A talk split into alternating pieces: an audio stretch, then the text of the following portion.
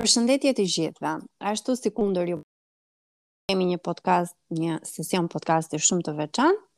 Uh, do flasim për të drejtat e njeriut me zysh Ina Kasimatin për një pjesë që e njihni kështu, por unë e njoh edhe si një kampione të barazisë gjinore, e cila do na flasë sot për të drejtat e njeriut, për uh, atë punë që ajo e bën me shumë pasion, duke luftuar kundër dhunës me bazë gjinore dhe jo vetëm.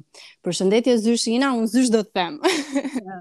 Përshëndetje Doralda dhe shumë faleminderit për ftesën. Kënaqësia është e imja dhe besoj e të gjithë atyre që do mësojnë nga pasioni dhe dëshira jote për të ndihmuar jo vetëm veten, por gjithë të tjerët. Ina, mund të ndash me ne eksperiencën tënde në lidhje me mënyrën se si ti ke zgjedhur të flasësh për të drejtat e njeriut, të flasësh për ato çështje që ty të mundojnë dhe mendon se janë të padrejta.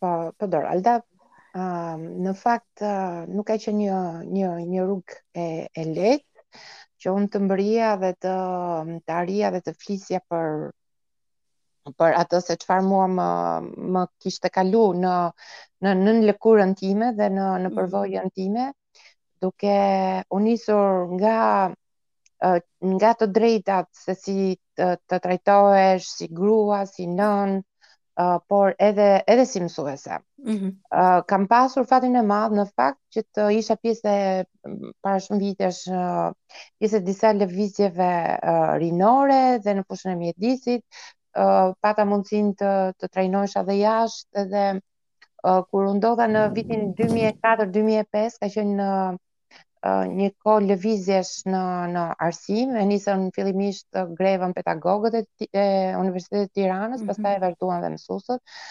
Dhe unë në fakt ndoshta kisha filluar në shkollë të e mësuar me këtë të drejtën për të folur, për të mbrojtur figurën dhe dinjitetin. Mm -hmm.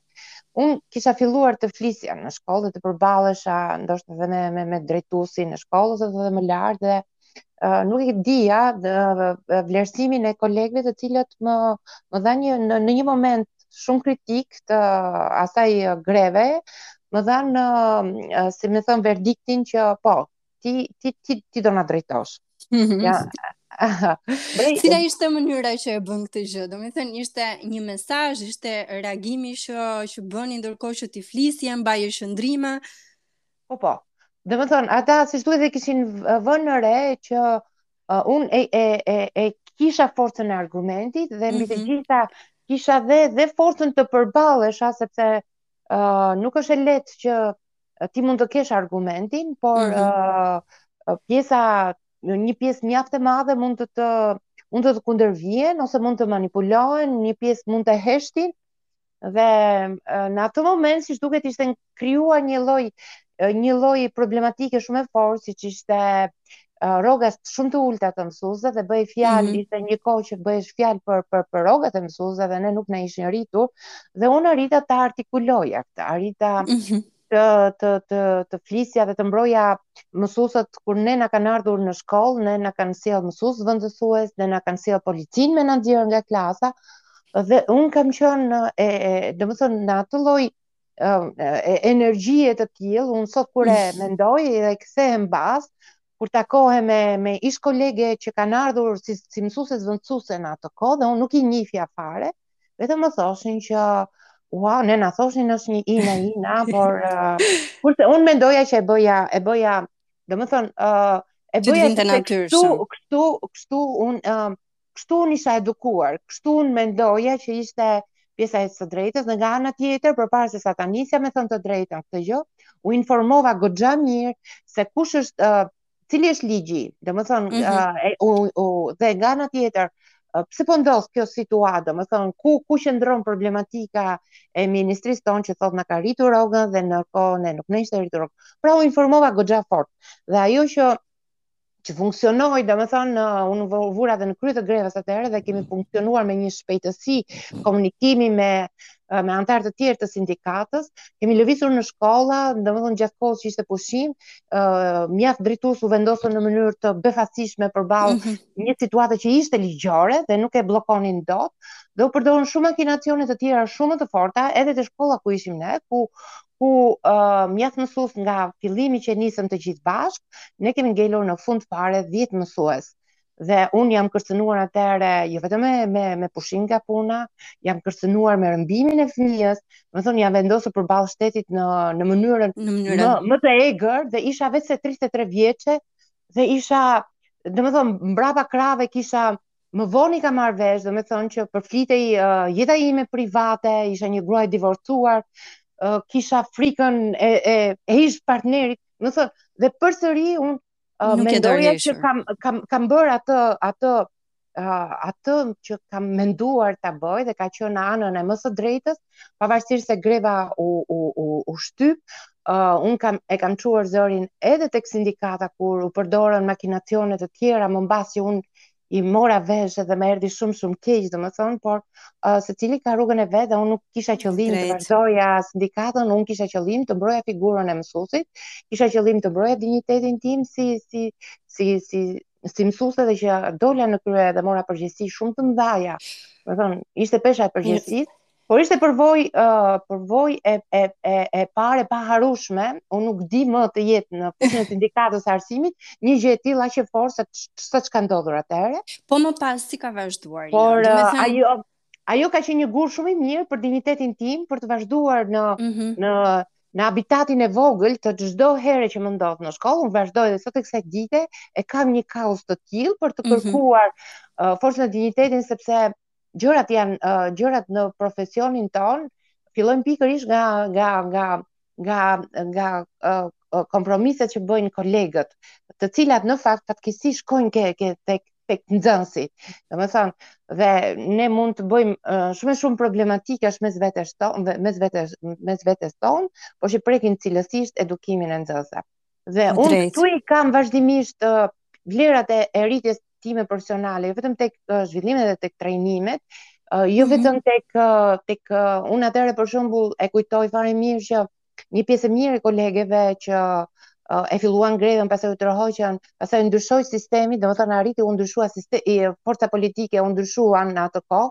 Mm -hmm. Ato e përdorën këto dhe filluan të bëheshin drejtuese shkollash, u bën e kuptoj. Ka, Ndërkohë që unë nuk e konceptoja, domethënë unë dhe sot prapë nuk e konceptoj që ti duhet të jesh pjesë të hysh në përkrahje të një parti ose të bësh gjëra të përfitosh diçka tjetër. Që ti të përfitosh mhm. ngritjen në karrierë. Domethënë unë sot nuk e kam. Unë përsëri sot pas kaq vitesh pra jam 50 vjeç edhe pas gjithë kësaj uh, zhvillimit tim profesional, unë kam uh, bërë shkollën e drejtorave, kam 28 vite në punë dhe unë tani kam filluar të kërkoj një të drejtë që mendoj se mm -hmm. mundet më ta, ta kem për për faktin e përvojës që kam për gjithë figurën dhe dimensionin që un jap jo vetëm si mësuese e lëndës së biologjisë në shkollë, për gjithë edukimin që u kam dhënë gjeneratave të të tëra të nxënësve, qoftë edhe në në edukimin e e të të, të drejtës për t'u trajtuar në mënyrë të barabartë të, të gjithë nxënësve, vajza, djem, domethënë edhe unë marr Ina un kam un kam një pyetje shumë të drejtpërdrejtë. Uh, po. ti përveç se je mësuese, je edhe pjesë e shoqërisë civile, je aktiviste dhe un të ndjek vazhdimisht sepse e shoh e shoh dedikimin tënd për çështje që janë me shumë rëndësi për shoqërinë. Uh, ti më the që e ke nisur qysh herët me trajnime, ke qenë një person i cili ka guxuar. Si e shikon ti, që nga momenti kur ti ke filluar të reagosh, pra në vitet kur përmende pak më herët dhe deri më sot a ka ndryshuar perceptimi jonë mbi të drejtat e njeriut domethënë ne reagojmë vetëm kur prekemi vet apo reagojmë se shoqëria ka nevojë që ne të të reagojmë Shiko. Ajo që unë isha duke ju thënë është pikërisht kjo që uh, mua më ka dhënë mundësi shumë të madhe të të ngrihem në këto nivele të të dimensionit të punës dhe për t'i thënë gjërat uh, në në në punë mes kolegeve uh, pikërisht sepse prekim uh, edukimin e nxënësve, falë uh, mjaft zhvillimeve dhe, dhe trajnimeve përfshirjes në shoqërinë civile, përfshirja në mm -hmm. shoqërinë civile është një nga gjërat më të mira, sepse nëpërmjet përfshirjes në shoqërinë civile, ti ti mëson shumë gjëra të tjera. Pra mëson anën ligjore, mëson se si të zgjidhësh dhe ta çosh aktivizmin mm -hmm. në në në institucionin përgjegjës, të ndërtosh grupin, të ndërtosh argumentin, të ndërtosh të, të dhëna të bazuara në në fakte konkrete dhe të cilat të kesh kurajon pastaj ta ta ta adresosh. Ëh, kjo është gjëja më e mirë, por për fat të keq un vë re që në pjesën e stafeve të mësuesve, kjo gjë nuk ndodh. Domethënë mm -hmm. një mhm. pjesë e mirë e mësuesve sot po lidhen shumë ngushtësisht me me çështjen e mbijetesës së punës së tyre. Mm -hmm. Domethënë, mhm. un kam një punë, um, shyqyr që kam një punë, ç'më duhet mua të flas, ç'më duhet ta ngre mm -hmm. zërin, un e lidh punën aty ngushtësisht, më nëse mua më bie norma, un do do do do, do vendos uh, nxënësit që të zgjedhin lëndën time, e duan pra apo pra, s'e duan. Pra është kontekstin personal uh, edhe jo më jam mësuesja shumë e fortë, unë mund të bëj ç'të dua me, me, me, me, me, me nxënësit, pra nuk arrin dot të dali uh, në, në një dimension që është shumë shumë afatgjatë.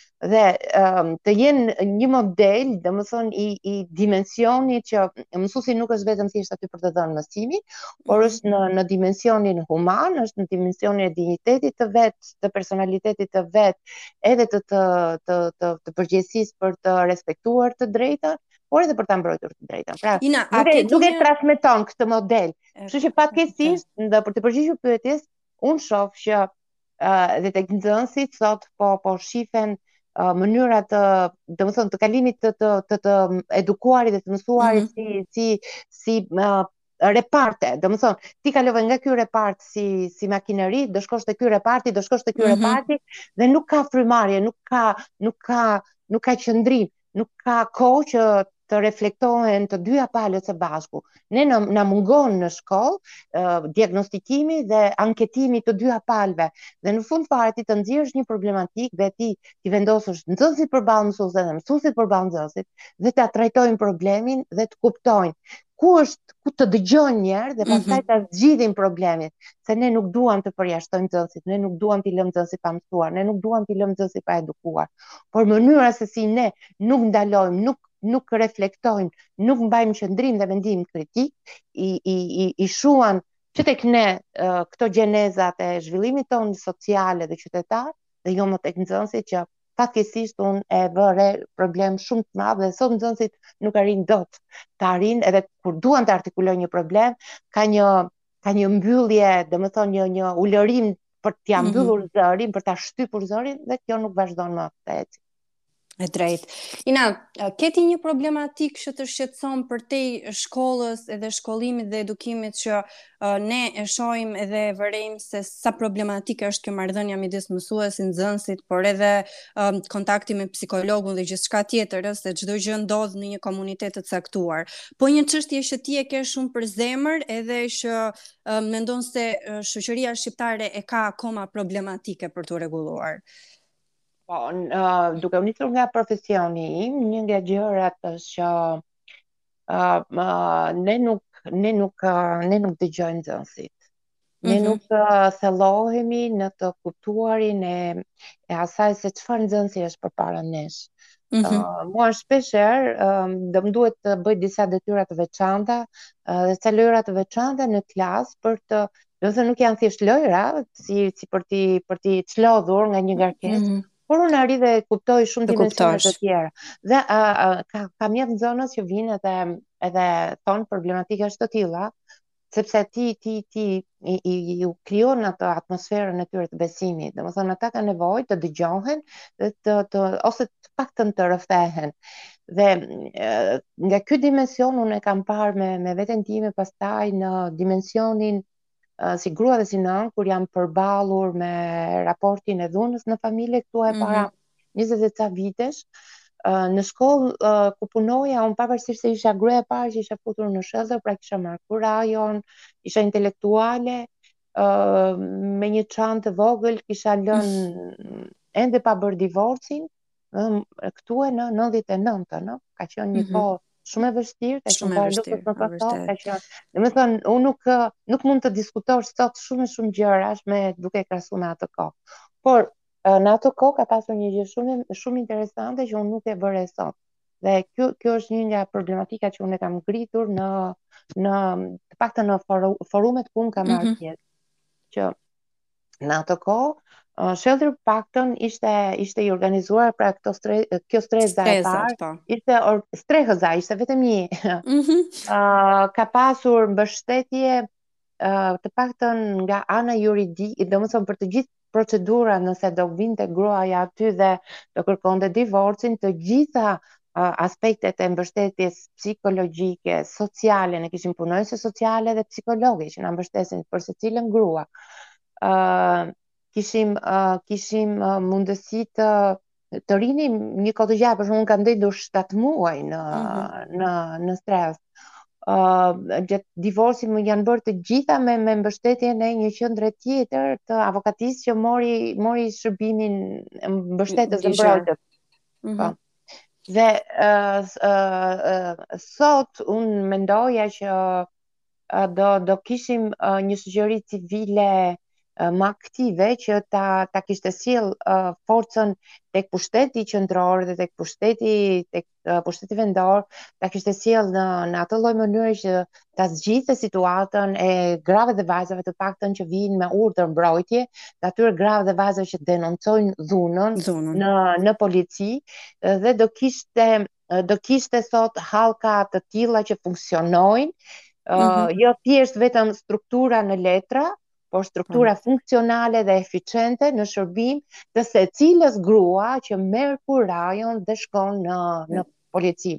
Dhe denoncon. Unë un e kam denoncu uh, ish-bashkëshortin tim dhe uh, prej policisë unë kam marrë uh, një impakt mjaft negativ, domethënë, ka qënë mm -hmm. mbrojtës për, për ish-bashkëshortin tim. M'u desh që me, me anë një kushëriri tim, që punonte diku dhe kishte njerëzit e vet në, në atë rajon policie dhe kur e kam bërë sërish denoncimin, atëherë u mor seriozisht denoncimi. Domethënë, unë atëherë u përfola që po e bëj denoncimin sepse uh, unë doja të trafikoja veten time, të ikja, të ikja bashkë me fëmijën, domethënë sot janë shumë qesharake. Por fatkeqësisht unë uh, takoj me gra të tilla, të cilat kur shkojnë në polici, uh, jo shpeshherë i vlerësojnë, domethënë uh, mund të ketë, uh, mund të ketë raste abuzimi. Sigurisht. Por nuk mundet dot, domethënë që një grua e cila ka, ka shkuar tek dera e policisë edhe me një fmi në krah, pavarësisht se nuk i lejohet, dhe duhet të jetë mhm. dikush tjetër që t'ia marri fëmijën, ta t'ia mbajë fëmijën që të hyjë brenda aty të denoncojë, nuk nuk gjej dot fjalë, domethënë që të mos marri mbështetjen e parë, mbrojtjen e parë, kuptimin e parë të të të të përkrahjes dhe mbështetjes dhe të adresimit të të tek dhunusi, domethënë që të merret masë për dhunusin, dhe jo vetëm thjesht që këtë grua ta mbash, ta mbash në rajon policie derisa të gjendet një strehë e përkohshme, shpejtësishme, po duhet të merret dhe masë ndaj dhunusit, domethënë sidomos njerëzit që janë burrat që janë në punë, a nëse një grua ka shkuar ka denoncuar, ajo ai ajo denoncimi i saj duhet të shkojë të shkojë të gjithë burrave që kanë janë në punë, janë në emigracion dhe kërcënojnë nga ana e telefonit. Kështu që kjo është një hap i parë që unë nuk e kam parë. A ke ti një mesazh në lidhje me këtë çështje pra ata që do na dëgjojnë, ata njerëz që na dëgjojnë tani, të gjitha ato institucione që edhe përmendëm? A ka një mesazh qoftë edhe për gratë, qoftë edhe për vajzat, për këdo që ndihet i dhunuar, edhe i bullizuar. Uh, a ke ti një mesazh force ashtu sikurse ia ke dalë mbanë vetë për të gjithën këtë që sapo folëm? Shiko, është shumë e vështirë të të thuash uh, që ia kam dalë vetë, sepse uh, ka një impakt goxha të fortë dhe unë them që çdo ditë unë un jam në një në një rrugëtim të tillë, mm -hmm. por ë mhm. uh, Më besoni që këto pak më parë fjalët që thashë është sepse unë i kam ndjekur rastet. Kam pasur uh, më të fundit rast, domethënë, ose më të fundit projekt uh, që arrita dhe, dhe i dhe e i pashë më në thellësi, domethënë. Mm -hmm. Domethënë, unë i kisha anashkaluar shumë gjëra, sepse dhe doja që unë me veten time ta harroja, dhe vazhdoja jetën time, domethënë fëmijët janë rritur, mm. uh, uh, ish-burri shef jetën e vet, unë shof jetën time dhe i kemi mbyllur këto gjëra. Uh, por, uh, fakti që unë u përballa me histori grash të cilat kanë pasur uh, urdhër mbrojtje, por uh, nuk kanë marrë mbështetjen atë që i ka caktuar ligji institucioneve bazë. Pra nga policia e shtetit urdhri i mbrojtjes i kalon pushtetit vendor. Ka një drejtori të shërbimit social, çdo njësi administrative ka uh, koordinatorët të cilët paguhen me taksat tona për t'u takuar me secilin rast i cili vjen me urdhër mbrojtje ka shërbim psikosocial falas, ka shërbime të tjera dhe paketa të tjera mbështetëse për uh, gratë dhe akoma më shumë nëse janë me fëmijë për t'i mbështetur këta fëmijë. Çfarë evidentuam ne në fund fare të gjithë këtij projekti mm -hmm. që faktikisht u morëm për strehimin social dhe ne kemi çuar kërkesën tek Bashkia e Tiranës që këtyre grave duhet me urdhër mbrojtje duhet t'u jepet menjëherë strehim social. Ajo çfarë ne morëm në fund fare të këtij projekti është fakti që uh, këto ekzistonin mm -hmm. uh, ligjet edhe strukturat, por nuk kanë funksionuar. Dhe ne tani jemi jemi në në këtë javë për të mbrojtur të, të drejtat e vajzave dhe grave, mm -hmm. sidomos për të për të ngritur zërin kundër dhunës ndaj vajzave të drejtë të, dhe grave sepse të jetosh pa dhunë uh, është është një e drejtë themelore e jetës. Të kesh një strehim është një e drejtë themelore e jetës. Të kesh një mbështetje për mirërritjen dhe edukimin e fëmijëve është një e drejtë themelore e jetës. Ashtu sikundër është një e drejtë që të të kesh një familje dhe problematikat që ka familja uh, do të thotë t'i marrë secila palë, secili partner, burrë, grua, t'i marrë uh, përsipër përgjegjësitë për t'i për, për t'i ndërtuar dhe domethënë mos të arrijmë tek uh, divorcet, mos të arrijmë mm -hmm. tek dhuna, sepse pastaj kjo është dhe një dhe një dhe një problematikë e shtuar shumë e madhe për fëmijët, por sigurisht që është dhe kosto uh, kosto për shtetin.